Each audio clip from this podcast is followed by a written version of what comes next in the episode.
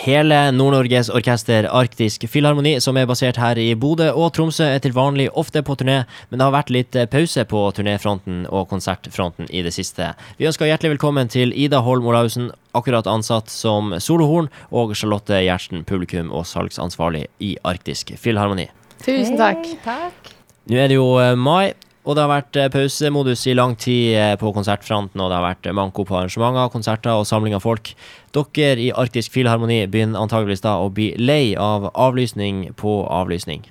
Ja, det, det kan jeg love deg. Eh, Forrige torsdag så hadde vi jo første konsert etter en lang januar, februar, mars og april, så det var rett og slett helt fantastisk. Å kunne ønske publikum velkommen inn i stormen og i Storesal, det var, det var rett og slett fantastisk. Og da ser det ut til at eh, Filharmonien er oppe og går igjen. Vi er absolutt oppe og går igjen, og normalt sett så bruker vi jo å avslutte sesongen i, i god tid før, før sommerferien kommer, men i år nå så må vi jo selvfølgelig ta igjen for tapt eh, spilletid. Så vi, er- vi har konsert i 29. mai med Tonje Unstad kommer med familiekonserten 'Musling med melk', det gleder vi oss til. Og Arvid Engegård kommer i uke 22. Ja, herlig. Det er deilig når ting eh, kommer opp igjen. Og du, eh, Ida, har akkurat flytta opp til Bodø og er nyansatt i Filharmonien. Eh, Har du noen forhåpninger til tida fremover?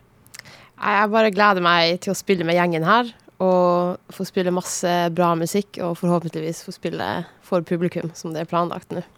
Ja, er det ellers eh, kommet noen andre nye sterke tilskudd eh, i tillegg til deg da, eh, i orkestret? Og hvor mange er dere egentlig i, i orkestret? Nå er vi jo ca. 18, og eh, det er akkurat blitt utvida besetning i orkesteret. Så vi er masse nyansatte folk, blant annet meg. Og vi har fått en ny soloklarinettist som heter Kenny. Og ny solopaukist med Sebastian. Og så skal det vel komme noen flere også etter hvert. Det er jo eh, sånn at Filharmonien, dere spiller jo avanserte og kompliserte stykker. eh, Klassiske stykker, og musikken og repertoaret. eh, Får dere gjennomført øvinger regelmessig for å opprettholde skillsene, rett og slett? Altså, vi har jo øvd regelmessig uansett.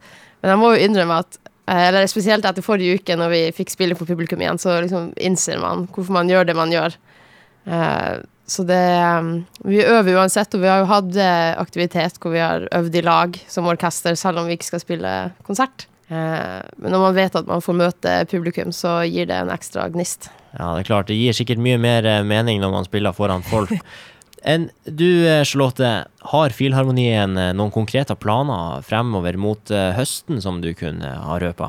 Og vi driver jo akkurat nå i disse dager og setter programmet, sånn at, eh, og det håper vi at eh, vi, vi får i havn, så at vi kan publisere den nå i, eh, i juni. Og det er bare å glede seg, for vi sparer egentlig ikke på så veldig mye, og det blir et kjempebra eh, program.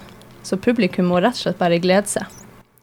Ja, Vi ser fremover videre mot sommeren og høsten med de nye planene til Filharmonien. Og takk for at dere var her med i Radio 3, og lykke til videre. Takk Tusen takk.